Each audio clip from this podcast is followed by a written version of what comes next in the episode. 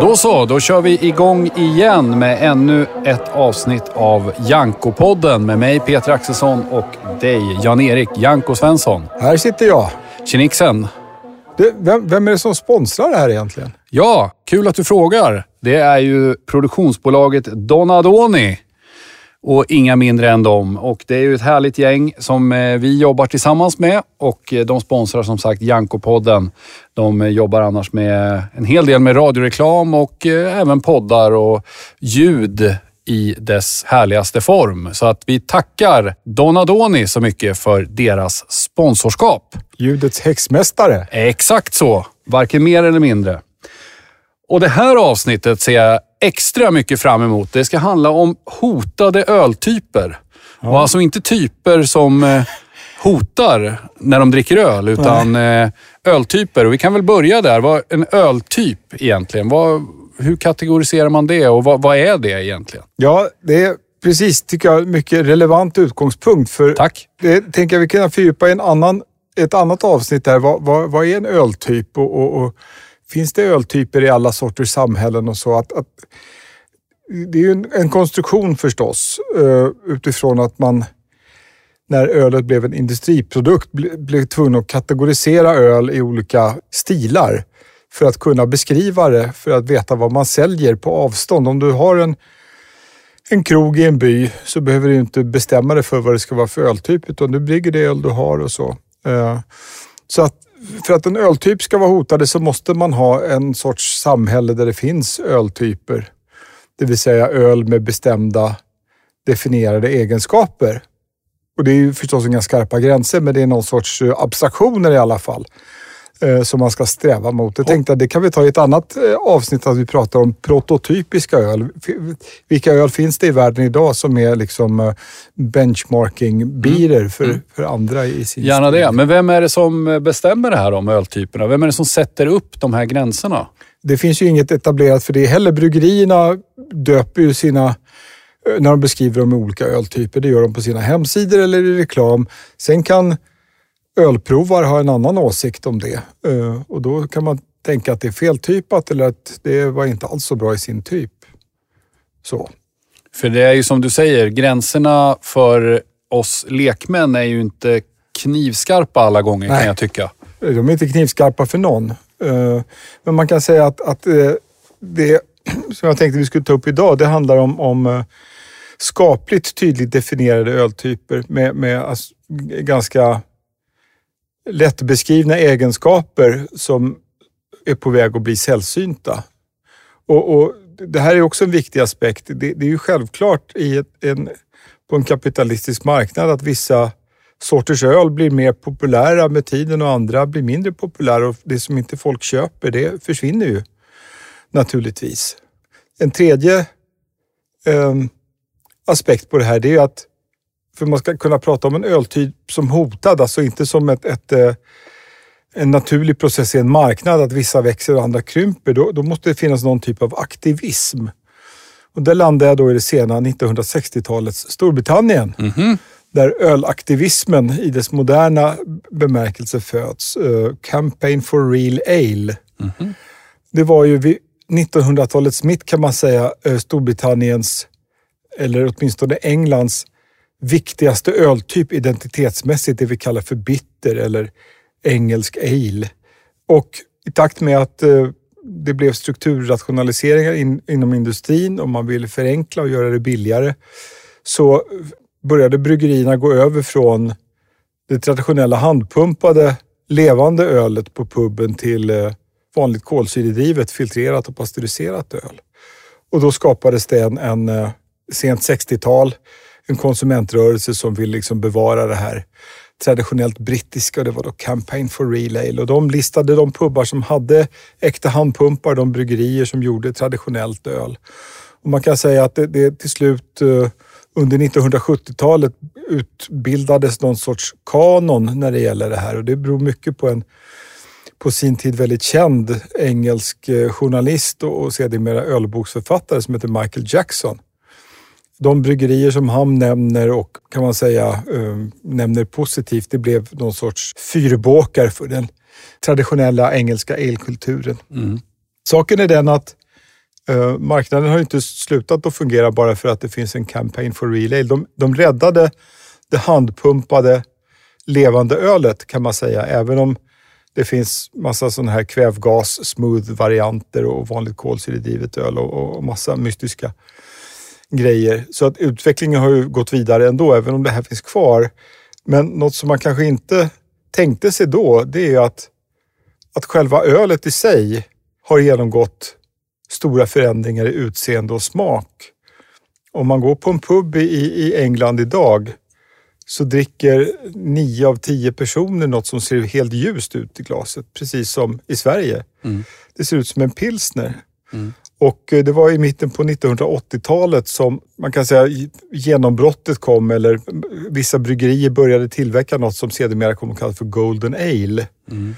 Man ville flörta lite med lagerdrickarna Mm. som vill ha ljust öl. Och eh, det är ju lite en klassfråga. La- Lagerdrickare är fotbollshuligansöl. I, i Ja, nu Storbritannien. tycker jag att du generaliserar lite grann. Ja, jag säger inte vad jag tycker. Jag säger hur, hur det uppfattas Ja, av Campaign for Real Ale. Och, Ja, ja, ja, då är och de som är med i kampanjen, det är ofta såna här frimärkssamlargubbar. Mm. Ja, liksom, ja, jag förstår. Som går runt med anteckningsböcker och, och tufsigt grått skägg och Ja, fleecetröja. ja, det kan vara trevliga för det. jo, jo. Eh, man vet ju hur sådana funkar. I alla fall. Eh, så själva ölet har blivit förändrat. Eh, och sen då genom påverkan av, av den amerikanska bryggarvågen så har engelsmän börjat använda modern humle, eller humle med modern smak. Alltså det här med citrustoner, lite granbarr, lite kryddighet eller fruktighet eller så. Eh, på ett helt annat sätt än de klassiska engelska humlesorterna där framförallt aromsorterna East Kent Golding och Fuggle var, var liksom väldigt typiska tidigare. Det fanns några andra som användes också. Men, uh, Steirer Golding till exempel från Slovenien. Men, men eh, så ölet ha, har förändrats. Det folk dricker på puben och föredrar, det, det folk vill ha, är annorlunda även om det fortfarande serveras som, som eh, real ale eller cask conditioned ale. Då. Ja, men det, det är ju inte alls samma öltyp, men när jag var i Storbritannien första gången, eller när man fick dricka öl då när man var 18 år, när det nu var början på 90-talet, då upptäckte jag, det fanns inte i Sverige, vad jag visste då i alla fall, en creamy ale. Ja, Eh, som jag blev väldigt fascinerad av, när man inte var så rutinerad. Ja. Och dricka, det var väldigt lättdrucket just det. och väldigt så uh, lättillgängligt, kommer jag ihåg. Just det.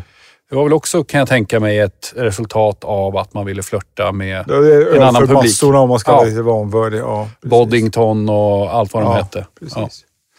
Och där fick man ju ett sätt också. Dels kunde det vara... Det är ju nästan inget bryggeri som kallar sin, sin bitter för bitter längre utan det heter så traditional ale eller något sånt. Och cream låter ju mjukare än bitter om man säger så. så Mm. att, visst. Eh, hur som helst, det här har ju lett till att, att det, det vi som var med på den gamla tiden uppfattar som typisk engelsk ale, det vill säga lite karamellkaraktär, lite esterfruktighet och en rejäl beska med brittisk karaktär, alltså Kent Golding eller Fuggle eller Steirer Golding karaktär. De har blivit riktigt sällsynta. Man kan vistas en vecka i England utan att stöta på ett enda sånt öl om man inte vet vart man ska gå. Och Så- väldigt lite kolsyra. Så var det alltid även då. Ja. Och, så är det fortfarande i och Ja. för sig att det är Mm. ganska låg alkoholhalt Mm. eh, jämfört med Centraleuropa. Vad ligger, den, vad, vad ligger den på i procent? Ja, standardbitten brukar ligga strax under eller runt 4 procent. Mm. Så mellan 3,5 och 4 procent. Nu de, de eh, mest kända prestigemärkena brukar ligga på strax över 4 procent. Det finns ett öl som heter Landlord till exempel som hör till de här gamla som, som är kvar. Eh, Det är egentligen eh, de gamla ölrävarna säger att det är liksom Landlord och Harvis som är oförändrade. Ja, Landlord läste vi ju nu om i eh, pressen här att de har tillfälligt i alla fall stoppat sin eh, tillverkning av eh, öl på fat. Ja, i dessa skarpa tider. Exakt. Ja. Så det får vi hoppas att det kommer tillbaka illa kvickt. Ja, verkligen. Eh, Jag planerar efter pesten här en ölresa till, till Yorkshire och den bygger mycket på att jag ska få dricka Landlord tillsammans med mina kamrater då som betalar Ja, resan. annars så känns det som livet saknar mening. På något sätt. Ja, definitivt. Eh, Så jag skulle säga Ja. faktiskt, det kan låta paradoxalt eftersom Storbritannien är liksom ölkampanjernas hemland. Men jag skulle säga att den klassiska engelska bitten, som den var i mitten på 50-talet, det är ju ingen, den har ju inte alltid varit så heller, men det är det som man, när man började tycka om någonting, det är så man vill, tror att det alltid har varit så man vill att det ska vara. Den varianten är, är hotad. Eh, Ja. Man kan säga också lite grann, om vi är kvar i Storbritannien, att det finns kopplat till det här lite så här romantiska gamla tillverkningsmetoder som också är hotade kopplat till det här. Då. Eh, det finns två, jag ska inte gå in på tekniken, men de, de, det är olika sätt att samla upp jäst. När ölen jäser, det här är ju öl som liksom bubblar upp till ytan, det är ju alla öl i och för sig, men man samlar upp det här eh, skummet som kommer som innehåller jäst och, och, och recirkulerar den jästen. Det finns ett som heter Burton Union System som bygger på någon sorts upp och nervända trattar. Och så ett annat eh, i, i Yorkshire som heter eh, Yorkshire Stone Square System. Där man har som ett, ett tak med ett hål i på jäskärlet där det får skumma upp. De, de är ju ytterligt sällsynta. Sen Är finns det, för, är det för att det inte är tillräckligt, alltså att det är för dyrt sätt att... Alltså det mesta öl eller- volymmässigt i hela världen och även i Storbritannien tillverkas ju i moderna fabriker mer eller mindre. Så att alla sådana här eh, Eh, mystiska gamla saker som kan kompenseras på andra sätt i tillverkningen. Eh, ofta vill man ju mäta ett resultat att ha vissa parametrar. Då kanske det, det får gå förlorat det här att man liksom eh, behandla gästen på ett visst sätt. En tredje då metod som är försvinnande idag, det är något som kallas för double dripping. Det är mer i södra England. Och det handlar om att, att cirkulera gästen för att syresätta den kan man säga. Det blir, kan bli lite mer smör, eh, lite mer frukt. Det kanske inget som man vill ha i moderna öl heller, men en, en Varför tycker du att det är viktigt att lyfta upp det här? Att det är på väg bort? Alltså för att jag tycker att det är irriterande att åka till England och inte dricka öl som jag vill ha som typiskt engelskt öl. Mm. Det, det är inte svårare än så tycker jag. jag, jag, jag det är en av, av de öltyper som ligger mig närmast om hjärtat, den traditionella engelska bitten. Eh, och eh, det är synd om den är svårare och svårare att få tag på. Ja, men där kan man väl konstatera att den utveckling vi har sett de senaste, ja men säg från 50-talet och framåt då, eller jag är född 74 och framåt. Det är ju tidigare när du reste till ett annat land. Ja, Då upptäckte du ju saker som du inte kunde få i Sverige till exempel. visst. Ja, Men vi, tar, vi, vi kan ta glassutbudet. Ja, Det ser ju likadant ut nästan oavsett var du kommer Visst. i Europa. Så att det är någon typ av liksom, imperialism som, som går över hela, jag, vet, jag ska inte säga världen, men i alla fall Europa. ja absolut. Där, där, där du inte upptäcker på samma sätt en ny konstig glass eller öl för den delen Nej. på samma sätt. Utan Nej. du kan få tillgång till allt överallt. Visst. Men det gör också att marknaden styr så blir utbudet mycket, mycket, mycket, mycket mer begränsat. Visst. Vilket är jäkligt tråkigt. Ja, det är tråkigt. Och det är intressant, det har ju inte riktigt med det här att göra, men det är intressant att det finns idag tusentals, kanske tiotusentals bryggerier, nya bryggerier runt om i världen, inte minst i USA, som brygger jättebäska öl. Och ändå så minskar världsmedelbäskan öl från år till år. Alltså mängden humle som används totalt sett minskar och det är för att de stora märkena eh, har effektivare metoder och vill ha öl som inte är så beska. Så att volymerna går ju åt ett håll medan de här små uppstickarna gör sitt då för att fortsätta att bidra till en mer, mer nyanserad marknad på något sätt. Då. Fler hotade öltyper som vi ska dra en lans för. Fler hotade öltyper. Man kan väl säga att porten var den första öltypen som blev helt förändrad. Och den är ju, det var ju så länge sedan så det är ingen som kommer ihåg längre. Porten från början var ju eh, hårdrostad, besk och långlagrad, alltså med oxidationstoner. Det slutade man med på 1810-talet när man uppfann patentmalten, alltså en, en trumma att rosta, hårdrosta malt i. Och sen dess har porten gjort på, gjorts på mer ljus malt och så har man i mörk malt för smak och färg. Att försöka få tag på en prototypisk porter, alltså hur, hur ska en riktig, alltså vad siktar man på? Det är väldigt svårt att säga idag för att eh, det, det den har varit försvunnen från de flesta marknader, är idag återupplivad och det finns många olika bud om vad, vad skillnaden på porter och stout. Ja, vad är skillnaden Ja. på porter och stout? Precis, det tar vi i en annat Ja. program. Ja, det måste vi gå till botten med då, känner jag. En, en annan... Eh, de flesta som eh, vill ha porter idag tänker sig en sötare stout. Mm. Det är ungefär så. Ja, men vi har ju bra exempel i Sverige ändå på den här stormaktsportern som är... Jag har aldrig varit med om en öl som är så hyllad. Nej, Men skulle absolut. du säga att det är en typisk porter som du tänker... Ja, det är väl någon sorts Imperial Stout, fast stormaktsporter. Mm. Mm. Ja, Ja. som sagt, det där är värt att borra mer i. Ja. Sen innan vi lämnar England så fanns det, innan bitten tog över så att säga, så i början på 1900-talet, vid sidan av porter så var mild, alltså ett alkoholsvagt eh, brunmaltigt öl, det mest populära. Ett riktigt arbetarklassöl uppfattades det som då, eh, när bitten var mer medelklass. Ehm, och den finns i och för sig kvar då, eller återupplivad av nya bryggerier, men ofta som ett normalstarkt öl, inte de här 2-3-procentiga jätteblaskiga söta mild-varianterna. Så den är ju definitivt hotad också, den, den traditionella milden. Så den engelska ölkulturen som det var på 80-talet, fortfarande när jag upptäckte den, den är hotad generellt kan man säga. Mm. Går man till Belgien sen, eh, Svårt att gå till Belgien i och för sig. Men, ja, på, nu om det blir vargavinter så, ja, ka- kanske. och isbrytarna strejkar. Ja. Ja. Ja. ja, jag fattar. Ja. Jag fattar. Jag Ja. vill framförallt framhålla en öltyp där som jag tycker är hotad och den heter Oud Brøyn. Mm. Gammalbrunt. Gammalt brunt på, Ja. på nederländska. Det låter ju väldigt positivt.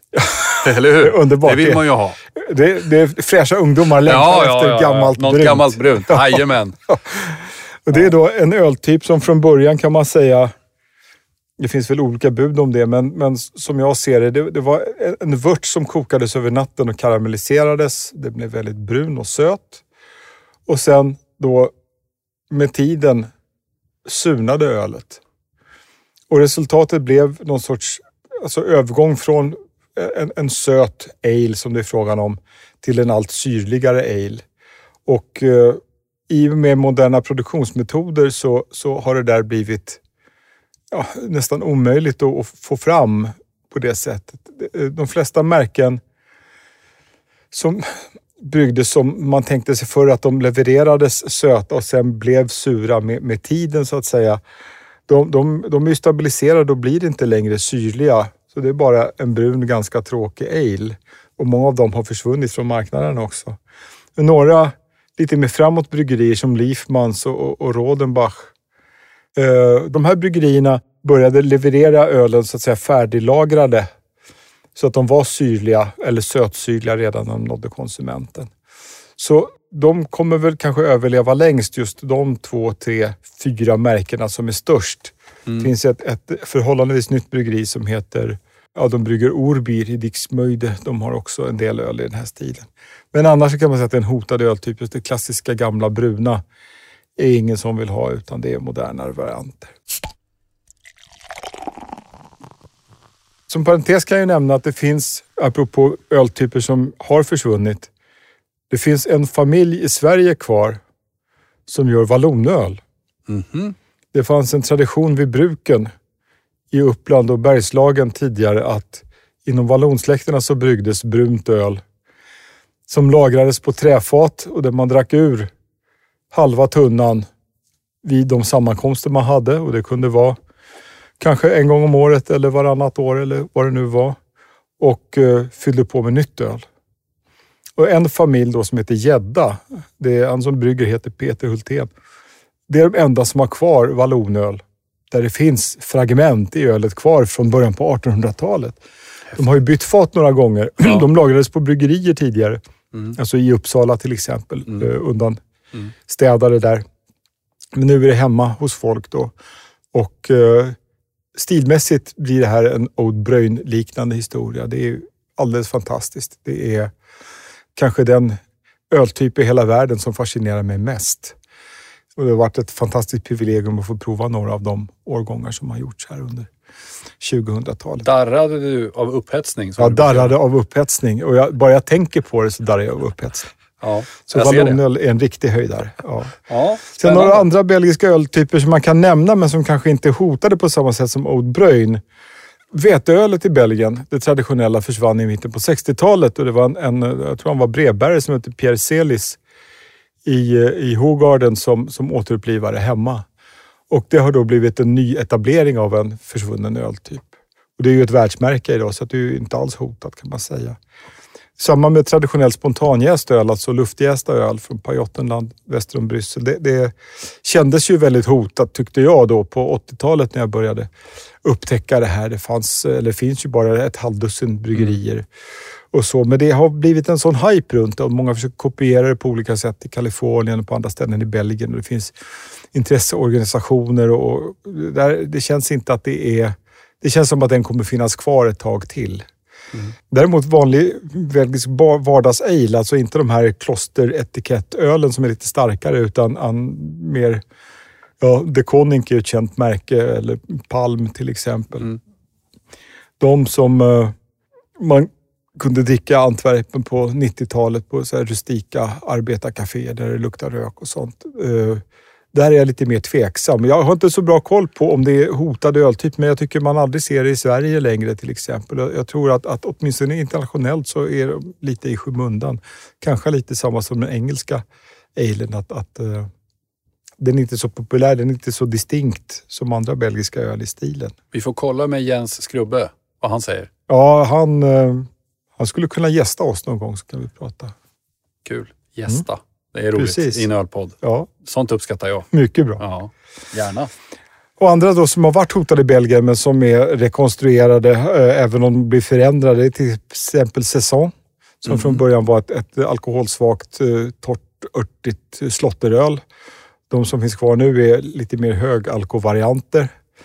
Ähm, och det gäller lite grann också en marginell öltyp i norra Frankrike som heter Bière de Gare det som kallas för farmhouse är lite funka-öl. Men säsong känns ju ändå som, alltså här i Sverige och bland de som är hyfsat intresserade, att man har upptäckt det Ja, senare, jo, senare men det är ju inte samma säsong som det var en gång. Nej, det, nej, du menar det är en omdefinierad hur... öltyp kan ja, man säga. Ja, jag förstår vad du menar. Så från att det har varit ett tunt slotteröl så har det blivit ett, ett, ett kraftigare, mer spännande öl på det sättet. Mm.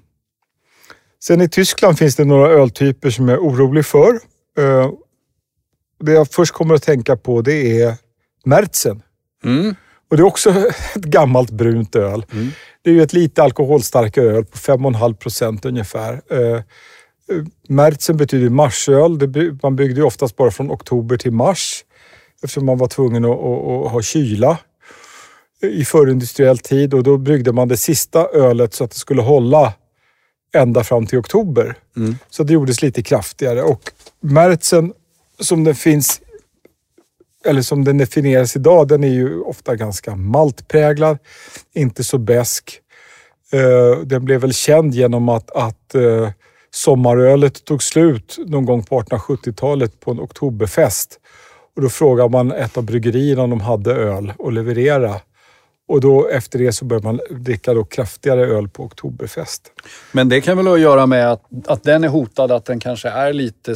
Alltså just när du pratar om den här maltigheten. Och ja. det, det, kanske inte tilltalar lika många Nej, det är ju säkert så att det är få öl. som vill ha Märzen. Mm. Eh, jag hör ju till Märzen-dårarna, men redan när jag började eh, liksom undersöka Sydtyskland eh, och jag verkligen liksom detaljerat betat av alla ställen som, som med självaktning som det brygger. Det tvivlar jag inte en sekund på. så, mina favoriter har liksom försvunnit. Gubbarna har dött, bryggerierna har lagts ner. Så att det jag tycker är världens bästa Märzen, det har fått ändrats tre, fyra gånger. Och de som jag tycker är mest intressanta öl de görs av, av försvinnande små familjebryggerier på ensamgårdar i, i sydöstra Bayern. Och jag är livrädd för vad som kommer att hända med dem. Det finns ju några, typer, några bryggerier till som gör skaplig märtsen, men det känns ändå som att vitaliteten i den här öltypen är starkt hotad. Även om många bryggerier vill ha en märtsen i sitt sortiment. De är oftast inte något speciellt spännande. Men hur svårt, varför, hur svårt kan det vara att göra en märtsen då? Ja, det är nog inte jättesvårt, men att göra en läcker märtsen som inte är för karamellig, som är ändå maltaromatisk med den här härliga eh, känslan av krossade kakor fast ändå inte sött. Och sen lite beska fast inte alls beskt. Det är helt ljuvligt det man När du uttrycker det sådär så låter det ju ganska svårt. Det, det är väldigt pedagogiskt om man vill lära sig hur, hur malt smakar också. Eh, Men det kan man säga, det är väl kanske läge att lägga ut på Instagram eh, Mm. några av de ensamgårdar och andra bryggerier runt om i södra Tyskland där man kan. Ja, det gör vi. Passa på att nämna det. Vi finns på Instagram under beteckningen Jankopodden. Så där kommer det att hamna lite sådana små tips om man är där och åker runt. Just det.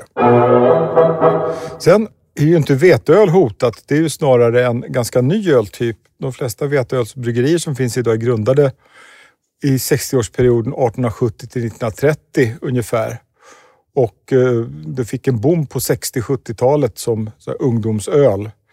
Men moderniserades då, så nu är det vanligast att det finns ljusa veteöl och mörka veteöl. Men de klassiska, mer ålderdomliga, de ligger mitt emellan i färg. Och där finns det också, det fanns kanske ett dussin bryggerier när jag började med det här som gjorde, som jag uppfattar, klassiskt veteöl. Och det är inte bara färgen som är speciell utan de är mer maltbetonade, inte alls lika banandoftande. Men har ganska mycket av de här kryddiga fenolerna, eh, lite nejliketonerna. Som till exempel. Ja, eh, det finns ett känt märke som är vagt i den stilen som heter Schneider. Det är väl prototypen för det klassiska bayerska veteölet. Mm. Men det är inte det mest smakrika. Nej.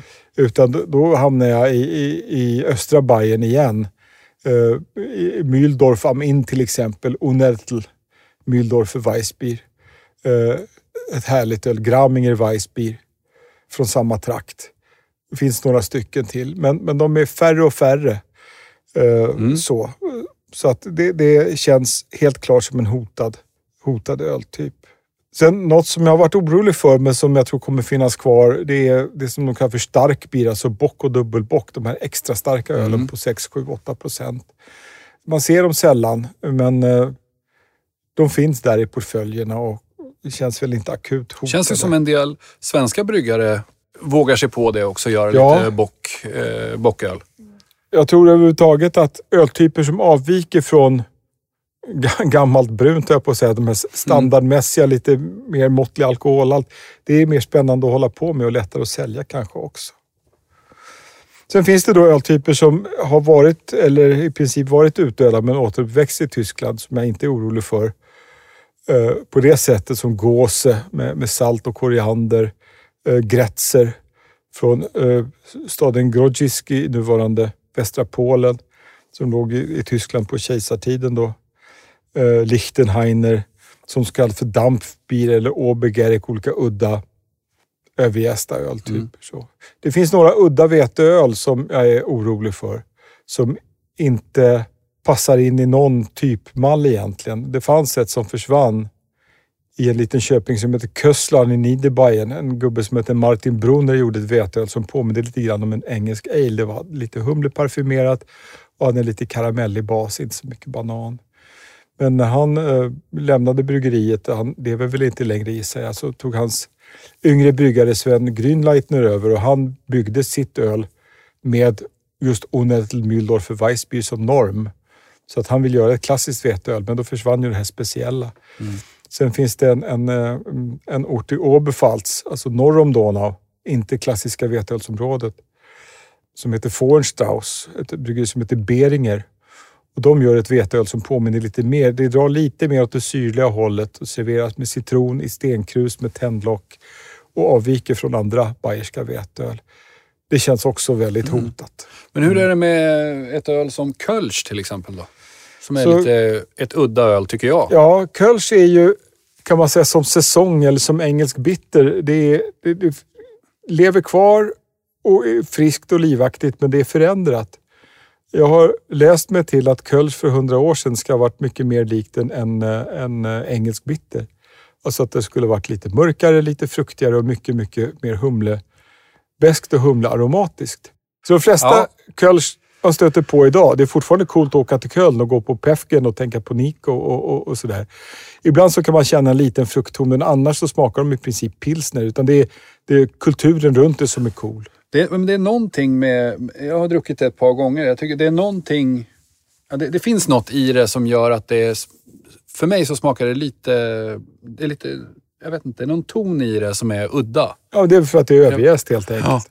Och, och om man förväntar sig att det bara ska vara som pilsner så vet jag, alltså jag, jag tror att öltypen Kölsch skulle vinna på att, att utveckla sin egen art igen. Även om jag själv inte upplevt det, för inte ens jag levde för hundra år sedan. Nej, men jag tror, hela, jag tror många av de här öltyperna skulle du ur ett marknadsföringsperspektiv börja bygga storyn Ja. lite mer. Alltså Kölsch har ju ändå lite med sina glas. Ja, visst. De här små glasen och att det hela tiden de kommer, det kommer nya hela tiden Visst, och så vidare och allt det där. Det gäller ju att berätta den historien Ja, så att visst. den blir intressant. Visst. Annars så dör de ju ut. Visst, visst är det så. Och där är det en smaksak då, om Kölsch har dött ut eller inte. Den finns ju men, men eh, be, beskrivs som transformerad. Då. Mm. Om man flyttar sig ytterligare ett snäpp österut och till Tjeckien så är det ju svårt att säga att den klassiska tjeckiska pilsner är hotad. För pilsner Urquell ägs ju av Asahi och är ett jättemärke och eh, anses av många vara liksom en, en, ett prototypiskt öl och ett väldigt bra öl överlag. Vilket jag håller med om då. Men Även om det har förändrats eh, en del. Va? det var ju diskussioner om det där. Det har förändrats ganska mycket, men fortfarande när man mäter liksom ölets egenskaper så, så är det sig väldigt likt från de ursprungliga analyserna. Sen så fanns ju inte den humlesort som används nu när ölet började bryggas för nästan 200 år sedan. Det fanns inte den typ av utrustning som finns idag. Eh, De gäststammar, man hade inte ens koll på att jäsning var en biologisk process 1842. Så att, visst är det ett annat öl, men det- är tillräckligt likt bilden av en klassisk tjeckisk pilsner. Även om på den gamla dåliga tiden så var ju ölen oftare än idag eh, smöriga och äppliga. Mm. Eh, till följd av att de syre, alltså, syre kom åt i, i den gammaldags fabrikerna helt enkelt. Och det, det kan man sakna eller så kan man vara glad att det är borta. Det är ju en smaksak. Så. Det som eh, oroar mig mest det är ju lite grann som utvecklingen i England, att de gamla regionala bryggerierna försvinner. Jag kanske inte nämnde det när vi pratade om England, men det är ju parallellt med att de här eh, de klassiska bittermärkena har förändrats eller eh, börjar bli sällsynta så har ju många bryggerier fusionerats, märken byggs någon annanstans.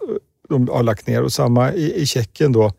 Jag har roat mig med här under julhelgen och, och lista nedlagda bryggerier Mm. i Tjeckien, alltså gamla regionala som fick sin nuvarande form under industriella revolutionen. Kanske med ny utrustning under mitten på 1900-talet, men det var i alla fall gam, gammeldags bryggerier på det sättet. Eh, och det är väldigt få kvar. De kända märkena är ju uppköpta av storkoncerner.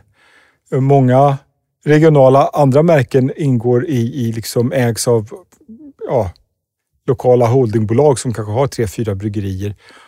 De kanske finns kvar, men det, det finns en koncern, en, en kinesisk ägd koncern som heter Lobkowitz som hade sju bryggerier. Nu har de stängt tre av dem. Mm. Ehm, och det var ju bra bryggerier allihopa. Bra regionala, individuellt olika bryggerier. Så att det, det, det, det är sorgligt. Och de, och de som är liksom helt independent och finns kvar, det är om det är 20 ens. Alltså det är väldigt få. Och, och många av dem eh, har säkert problem nu i, i coronatider också.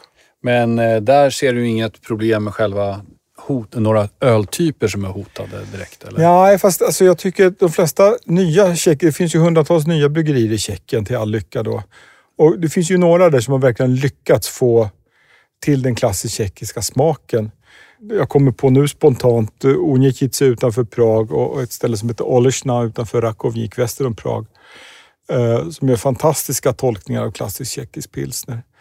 Men de allra flesta, de som inte bara brygger ale och, och stout och sånt där, för det finns ju också de som försöker sig på klassisk tjeckisk pilsner, jag tycker de överdriver ibland. Alltså det blir för mycket kletig malt, det blir för mycket oxidationssmak eller smör, det blir för grov beska. Det, det har inte den här subtila, enklare, ädla tonen som jag tycker är, är viktig. De blir som karikatyrer av en, en missförstådd hembryggardeff, hembryggardefinition av uh, tjeckisk pilsner. Eh, så, så där är jag faktiskt också lite oroad. Det är kanske mest för att de öl som jag tycker om att dricka när jag är där på somrarna, att de ska försvinna eller förändras allt så mycket. Men är vi ändå inne på Tjeckien där. eh, När det gäller mörk öl i Tjeckien. Ja, Eh, Jag så har jag hört när jag har varit där att dricker man mörk öl, att det är, det är, mer, det är kvinnor som dricker mörk öl. Att man liksom på något vis skulle få större bröst om man dricker mörk öl. Ja. Stämmer det? Alltså den myten i alla fall. Sen om det stämmer, det vet jag inte. Men...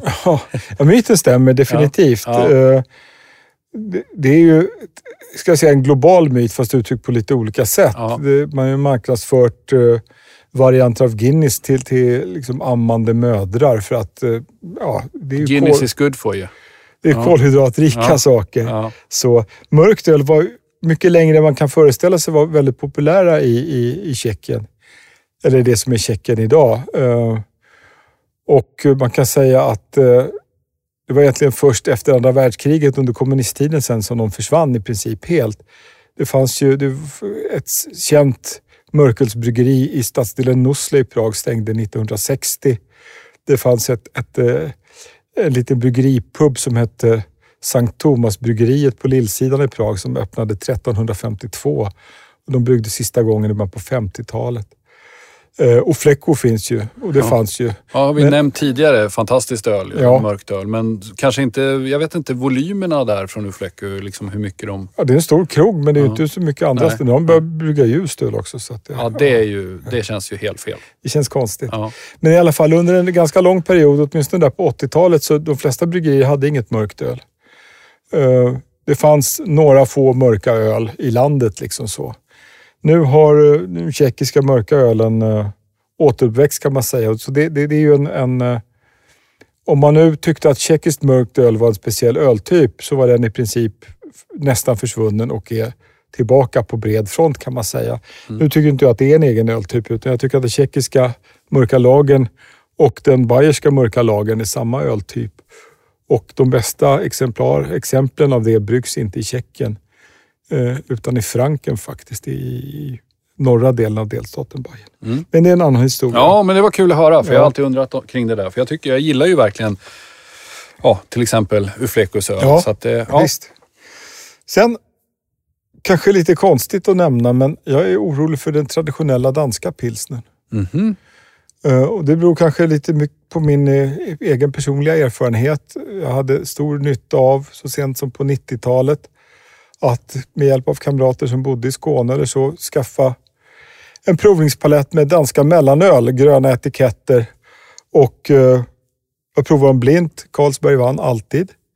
Men de hade en släktskap och, eh, tycker jag, subtila, enkla kvaliteter som jag uppskattade högt. En enkel ljus lager, en liten sötma, en liten ton av fruktighet. På den tiden så hade de ju ofta råfrukt i ölet också, alltså majs eller så. Och eh, en låg men balanserande beska. Friska, fräscha, goda öl och tycker jag långt godare än standard internationell lager. Mm. När Carlsberg stängde sitt eh, bryggeri i Valby och flyttade produktionen till eh, Fredericia på Jylland så förändrades karaktären på deras öl. Och eh, precis som i Tjeckien eller England så har många regionala bryggerier i Danmark köpts upp eller stängts eller slagits samman. Så att det är väldigt svårt att få tag på en vanlig grön dansk mellanöl som smakar lite sött och lite fruktigt som den gjorde förr. Men som en vanlig sån här Tuborg grön till exempel, det är inte alls det längre som det var. Alltså, jag måste prova någon. Den som säljs i Sverige bryggs ju i, i Ja. Falkenberg. eh, tror jag oftast i alla fall. Och det är en jäkla skillnad tycker jag. Ja, det var, förr var det jätteskillnad, Mm. eh, tyckte jag, mellan Valby och Falkenberg. För den har ju alltid under min livstid byggts på licens i Sverige. Den som har sålts här och smakat mer Falcon som den gjorde på den tiden. Då. Eh, men jag, jag har inte provat seriöst Karls, eller Tuborg grön på länge. Men, men får, när, man kommer till, när man kommer till Köpenhamn, med, kanske med tåg, och sen Mm. så bara ramlar man ner för trapporna till det här fantastiska järnbanecafén. Mm. Har du varit där? Nej. någon gång? Totalt inrökt ställe. De har väl öppet i princip dygnet runt. Kanske inte just nu, men annars. Och där har jag varit, du vet, kommit med tåg vid 11-tiden. Och folk är redan i full svung. Ja. Det stod en kille på bordet senast i bara överkropp och Mm. ja, dansade. Och, men det var glatt, trevligt. Och in, alltså, de röker fortfarande där inne. Mm. Och liksom få sätta sig där och få en Tuborg grön. Ja. Och sitta där och, och det, man blir serverad av någon som är 92 år gammal. Liksom. Har jobbat där sedan sen barnsben. ja. Det är härligt. Det är mycket och, härligt. och återigen då med den här känslan. Jag menar, jag har ingen aning om om den där Tuborgen jag får är, är gjord i Falkenberg eller om den är om det är något speciellt med den, men den Nej. smakar annorlunda. Jag, Ja. tycker, jag tycker dansk öl generellt i Danmark är tusen gånger godare än när jag köper en Tuborg eller Carlsberg i Sverige. Jag tror att dansk, eh, traditionell dansk grön pilsner ska drickas i Danmark. Det, det tror jag. Och kanske helst ur flaskan också. Det borde man lagstifta om. Ja, kanske. Ja. I alla fall så är jag lite orolig för det. För det var länge sedan jag hade den upplevelsen på det Mm. sättet. Eh, Sen om man ska nämna Sverige ja, så vill jag framför allt då sätta fingret på den opastöriserade svagdrickan. oj. Nu jäklar. Ja. Nu ska vi dra en största lansen här nu för... Ja, jag vet inte hur stor lans det är värt att dra egentligen. För att det här, var, det här är ju en ganska modern öltyp i sin form som den har nu. Svagdricka som begrepp har ju funnits för alkoholsvagt vardagsöl i alla tider. Men 1901 så genomfördes, jag tror det var 1901, en, en lagändring som gjorde att överjästa öl under en viss alkoholhalt var skattebefriade. Så det växte upp hundratals nya bryggerier i Sverige under början på 1900-talet som bryggde skattefri svagdricka. Alltså överjäst lättöl kan man säga. Och i och med det etablerades också den smak som vi nu sammanknippar med eh, svagdricka och de är ju, den är ju sötad Mm. för att eh, kan man säga, simulera en mörkölston. Oftast med sackarin. Det fanns ett bryggeri i Jönköping som heter Skogs bryggeri som sötade med laktos. Det blev mycket bättre. Och det här, apropå gammalt brunt, är också en öltyp från en annan tid. Det var som störst, kan jag gissa, första halvan 1900-talet. Det fanns svagbryggerier i Påskalavik. Alltså, eh, det fanns överallt. Och många äldre människor minns ju det här från sin barndom. Jag fick upp ögonen för det här genom en, en numera avliden kamrat som heter Lars-Erik Gustafsson. En av världens största samlare av eh, öletiketter för övrigt. Och han lyckades skramla ihop en provning för drygt 30 år sedan av eh, det som fanns i Sverige då. Det var försvinnande lite. Det var kanske ett dussin bryggerier. Eh, men på den tiden så fanns fortfarande Hybo utanför Ljusdal, Avesta, Banco gjorde opastöriserad svagdricka, Strömsfors vid Oskarström i, Hall, i Halland, Bjärnum i norra Skåne, Skog som jag nämnde i Jönköping, Heines i Anneberg nära Nässjö, ett i Lidköping, Hällefors var ju ett eget bryggeri och gjorde svagdricka på den tiden. Finns det något... Eh, Marks bryggeri i Skene. Just det. Ja. Men finns det något... Eh, någon svagdricka i Sverige idag som är värd namnet som du Ja, alltså- vet och känner till? Jag funderar på vilka som finns kvar. Eh, Jag tror Tomelilla finns kvar. Mm. Jag tror Jo kan finnas kvar. Sandhem, som inte är så långt från Jo, åt Jönköpingshållet, det kan finnas kvar. De bryggde redan då bara till jul, så, så vet jag vet. Mora bryggeri gör traditionell svagdricka. Mm. Och sen vet jag inte om Borns bryggeri i Alfta. Där har jag hört att den ska vara bryggd utomlands. Men det vet jag inte, jag har inte fått det bekräftat. Den fanns för några år sedan i alla fall. Men det är definitivt en hotad öltyp. Ja. Det finns ju några nyare bryggerier då som har eh, plockat upp det här och, och försökt, men det, det blir liksom inte... Det är lite dödsryckningar känns det som. Vad är det du gillar med svagdrickan då? Att, att det smakar liksom... Det smakar gammalt brunt. Eh, Ja, det har med min läggning att göra tror jag. Jag gillar ju det förflutna. Jag tittar bakåt. Jag, nya saker och, och, och det skrämmer mig. Jag, jag, jag vill ha koll bakåt. Jag vill kunna kartlägga hur det har varit. Saker som fortfarande finns och håller på att försvinna, det, det, det kniper i hjärtat. Mycket mer än nyfikenhet över pastry stout och sådana saker. Mm. Eh, Men man är ju präglad av sin uppväxt och och när man började gilla öl, vad som var i ropet när man definierar sin egen ölkulturella preferens. Och det är ju knutet av ens tid. Svagdricka är ju det är inte gott. Det finns ju god svagdricka men det är ingen god öltyp kan man säga. Jag, hör, jag förstod att ordet rappakalja Mm. var dålig svagdricka. Ja, Eller hur? ja visst. kan ju vara värt att ta med sig. Ja, Ja, det vill vi inte ha. Utan Nej, vill vi vi inte ha. bra opastöriserad svagdricka. bra opastöriserad svagdricka. Det i år var första gången på många år som jag inte drack det till jul faktiskt. Det är kanske är därför du ser så stark ut.